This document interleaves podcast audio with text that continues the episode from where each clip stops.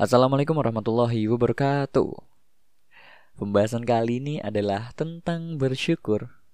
Gue Sultan, selamat datang di Bacot Santai, Bacot Santai. Ya, selamat datang dan selamat mendengarkan kembali buat teman-teman sekalian yang saya cintai dan hormati beserta staf tata usaha yang saya banggakan. Jadi ke upacara ya. Ya, hari ini tanggal 26 Oktober tahun 2019. Recordnya mungkin bakal upload podcast, podcast ini sekitar tanggal 31 atau mungkin tanggal 1. Iya, jadi hari ini Bogor sedang merealisasikan sebutannya yaitu kota hujan. Lagi hujan Bogor. Dengan suhu yang cukup dingin ini, gue nggak sendirian. Gue ditemani oleh coklat panas buatan gue sendiri. Rasanya enak, sedikit hambar, tapi masih bisa dibilang enak lah. Mau denger gak? Nih. Yoi. Ya, dan hari ini cukup melelahkan karena gue tadi baru selesai rapat jam tujuhan, sekarang udah jam sembilanan baru selesai rapat terus uh, waktu baliknya gue kejebak macet di daerah Ciawi gue nggak ngerti tuh kenapa bisa macet ada mungkin masalah apa gue nggak tahu juga. Oh ya kemarin gue ngeliat itu di tempat yang sama ada orang ribut gitu. Yang supir angkot ribut gitu gue gak ngerti masalahnya apa cuma jadi ngeresahin jalan jadi bikin macet jalan gitu. Ributnya juga kayak apa ya kayak bocah TK tau gak lu? Yang maju maju mundur maju maju mundur gitu. Terus nangis lari ke mama mama mama celana dalamku bolong. Gitu. Ah ngomong apa lagi sih? Gue lupa. Ya sampai-sampai nih ya yang biasanya gue dari sekolah ke rumah itu cuma ya kira-kira 45 menit.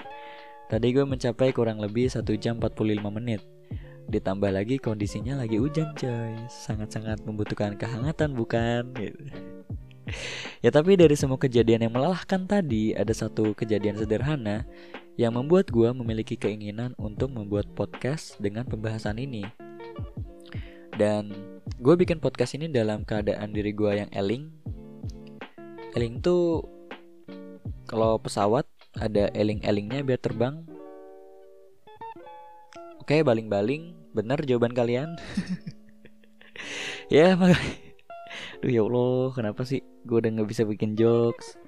Hidup gue kayaknya ke sini makin serius terus gitu. Pengen bercanda tapi udah gak bisa bikin jokes gitu ya. Udah lupakan lah. Ya gue lagi eling gitu. Eling tuh masih sadar dalam keadaan baik. Makanya mungkin bakal banyak banget keluar kata-kata bijak di podcast kali ini. Jadi tahan saja kejijian kalian, ya. Yeah. Jadi ceritanya tadi itu gue balik naik angkot kan ya. Belum 15 menit gue naik angkot, ada seorang pengamen yang tiba-tiba masuk ke angkot buat menawarkan diri untuk diperkosa. Cir, pengamennya cowok mau perkosa apanya? Nah, lubang hidungnya gitu. Hah, ya pokoknya si pengamen ini masuk ke angkot dan menyiapkan gitar beserta suaranya. Tidak lama setelah itu, pengamen ini pun mulai menyanyikan lagu dengan suara lantangnya. Sekitar 20 detik lagu itu dimainkan, gue bener-bener meresapi apa maksud dari lagu itu. Salah satu lirik yang paling bikin hati gue bergetar, itu kan alay ya, bijak, so, so bijak gitu. Ya bodoh lah. Ya salah satu lirik yang paling bikin hati gue bergetar adalah, pokoknya intinya tuh gini liriknya. Kami susah setelah ayah tiada interpretasi gue saat pertama kali mendengar lagu itu, eh lirik itu adalah hidup mereka susah setelah ayah mereka meninggal. Tapi ternyata di lirik selanjutnya dia mengatakan yang namanya tentang perceraian.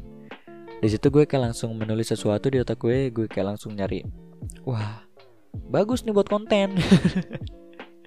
Gak gue kayak langsung mikir, wah pelajaran apa ya yang bisa diambil dari seorang pengamen ini dan lagunya? Dan akhirnya gue nemu pelajarannya yaitu malam ini gue harus bikin konten. Nggak nggak egois banget aing. Ya malam ini eh malam ini jadi ya ya pelajaran yang bisa ambil yaitu broken home dan bersyukur Ya dengan adanya kata perceraian di lagu itu tadi, kita bisa langsung tahu dong kalau lagu ini adalah tentang dua cinta yang sudah tidak lagi bisa bersatu dalam ikatan pernikahan.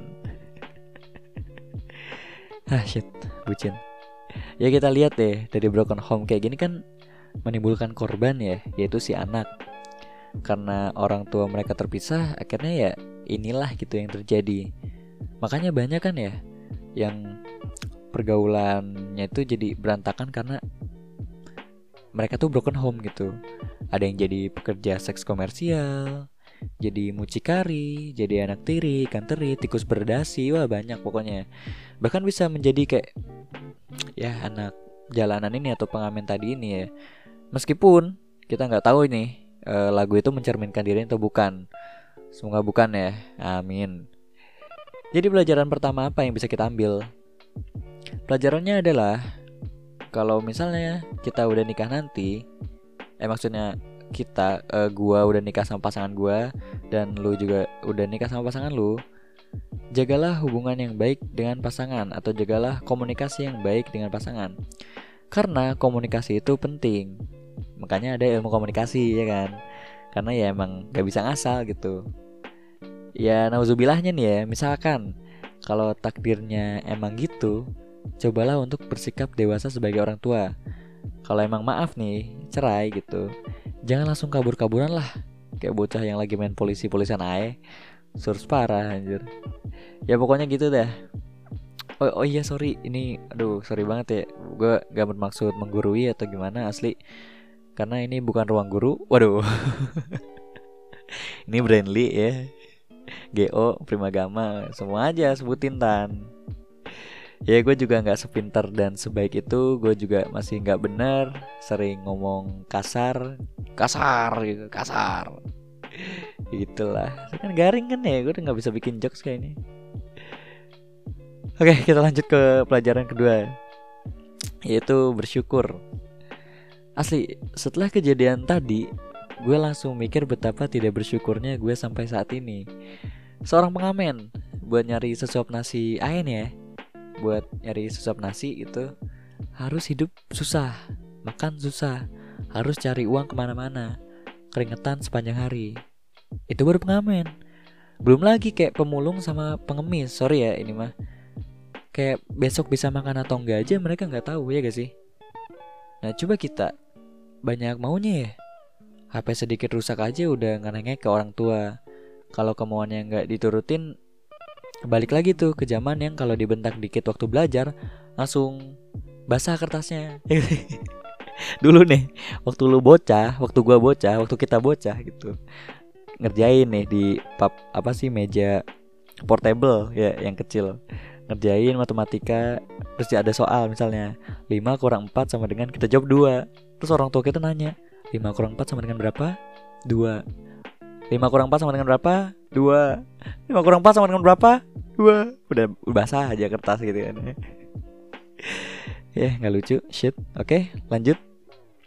Ya malah mungkin saking gak bersyukurnya Ada yang celana dalamnya sobek dikit minta diganti buat apa anjir? Gitu celana dalam dipakai di dalam coy. Nggak kelihatan kalau sobek juga tuh nggak kelihatan gitu. Buat buat apa juga sobek dikit diganti. Kecuali kalau lu makainya di luar gitu. Jadi ganti namanya jadi celana luar. Lu perlihatkan ke khalayak umum. Woi lihat nih celana dalam merek Polytron gue bolong. Canggih kan? Ya kecuali gitu. Kalau misalnya celana dalam dipakai di luar terus bolong baru lu boleh beli gitu. Asli kita emang kurang bersyukur pak dari cara kita berpakaian aja masih buat memenuhi nafsu bukan kebutuhan. Ya gak sih? Gue juga sama sih masih gitu. Kalau kita lihat nih uh, siapa? Mark Zuckerberg atau Steve Jobs Warren Buffett dan orang-orang sukses lainnya itu cara mereka berpakaian itu wah sederhana kan ya? Asli gue juga pengen kayak gitu. Tapi gimana ya? Masih kalah sama yang namanya gengsi ya kan gue pernah lihat postingan di Instagram pokoknya kayak ada orang berkemeja dengan foto ya. Ada foto ada foto di dalam foto itu ada animasi. Animasi itu adalah orang berkemeja dengan isi kepala yang terlihat. Terus si postingan ini kayak nyindir manusia zaman sekarang. Di postingan ini tertulis harga sepatu 90 dolar, harga baju 67 dolar, harga jam tangan 1200 dolar, tapi isi otak 0 dolar. Gak ada nilainya sama sekali. Artinya, buat kita nih ya, buat kita, kita ya gue, lu semua gitu. Kalau kita masih banyak pamer, artinya nilai otak kita nol. Anjir, dari pamer doang nilai otak kita nol. Separah itu kah. Ya belum lagi tentang gaya hidup kita atau pola hidup, budaya. Kita tuh masih kayak apa ya? Ya konsum konsumtif aja gitu. Kayak foya-foya, membeli barang-barang mewah, membeli jam tangan yang mahal, tapi nggak pernah tepat waktu, ya gak sih? Terus menjadikan kafe sebagai tongkrongan tiap hari yang di mana akan mengeluarkan uang yang berlebih, ya sangat-sangat konsumtif lah. Dan parahnya kita tuh pakai uang orang tua. Nih, nih ya coy, nih, nih, nih. orang tua kita udah capek kerja nih, tulangnya dibanting, ya, banting tulang udah biasa gue tulang dia dibanting gitu. Kepala di kaki kaki di kepala. Wah berat banget pokoknya. Terus kita enak banget gitu ngabisin uangnya dengan mudah dengan amat seksi dengan amat lembut. Kayak menjadikan orang tua kita ini sebagai mesin pencari uang. Kecuali kalau kita nabung memotong uang jajan kita buat diinvestasikan. Ya kalau gitu mah mending lah. Jadinya nggak minta lagi ke orang tua ini mah uang jajan harus sesuai prosedur yang kita tentukan. Tapi uang main segala macem minta lagi. Ya dasar aku. Gue banget anjir itu. Asli, orang tua tuh bukan mesin mencari uang ya bapak ibu sekalian gitu. Coba kita balik lagi ke lagu yang tadi yang dinyanyiin pengamen tadi itu yang gue dapet tuh kayak apa ya? Waduh kayaknya merih banget gitu ya hidup tanpa orang tua tuh jadi pengen nyanyi lagu mawang kan jadinya. Ya hidup tanpa orang tua tuh yang ada di pikiran gue adalah gini. Kita kayak dijatuhin nih ya di tengah hutan belantara gak ada siapa-siapa gak ada cewek ya gak ada ya gitu. Tanpa peta ataupun kompas tanpa persediaan ilmu bertahan hidup dan persediaan logistik yang mencukupi pokoknya ujung-ujungnya kesasar dah.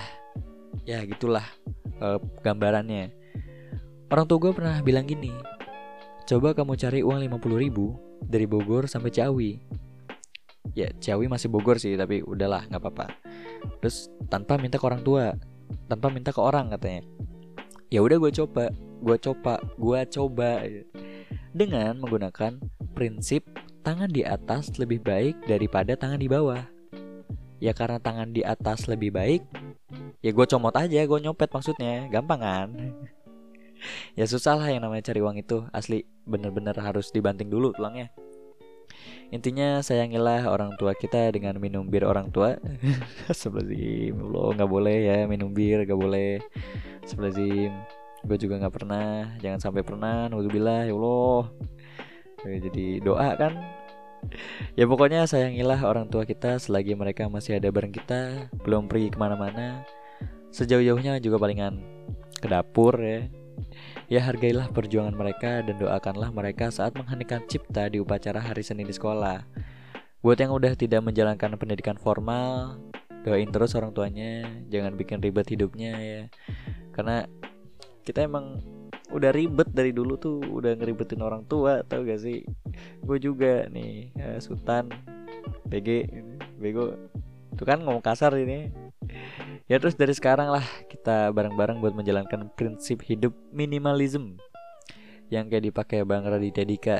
Tahu lah ya yang di mana dalam prinsip itu kita hanya membeli dan menggunakan barang-barang yang kita butuhkan aja bukan kita inginkan. Oh iya nih gue juga pernah lihat uh, postingan di Instagram mengenai hukum tujuh hari dalam membeli, membeli, membeli sebuah barang. Ini udah malam jadinya ini nih lidahnya belepotan. Ya jadi kalau misalnya kita mau beli barang gitu kita tunggu seminggu dulu nih. Ini misalnya lu udah ada pengen apa? Beli drone. Lu tunggu dulu nih seminggu.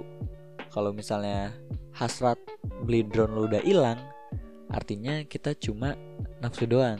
Gitulah kira-kira. Ya sekali lagi gue bukan menggurui teman-teman baca santai. Gue cuma pengen sharing aja sih ya ke teman-teman juga itu dan gue mau menjadi teman baik kalian yang semoga bisa saling mengingatkan dalam kebaikan. Amin. Bijak kan? Iya lagi eling. Ya mungkin sekian yang bisa gue sampaikan. Ambil yang baiknya dari gue dan buang yang buruknya.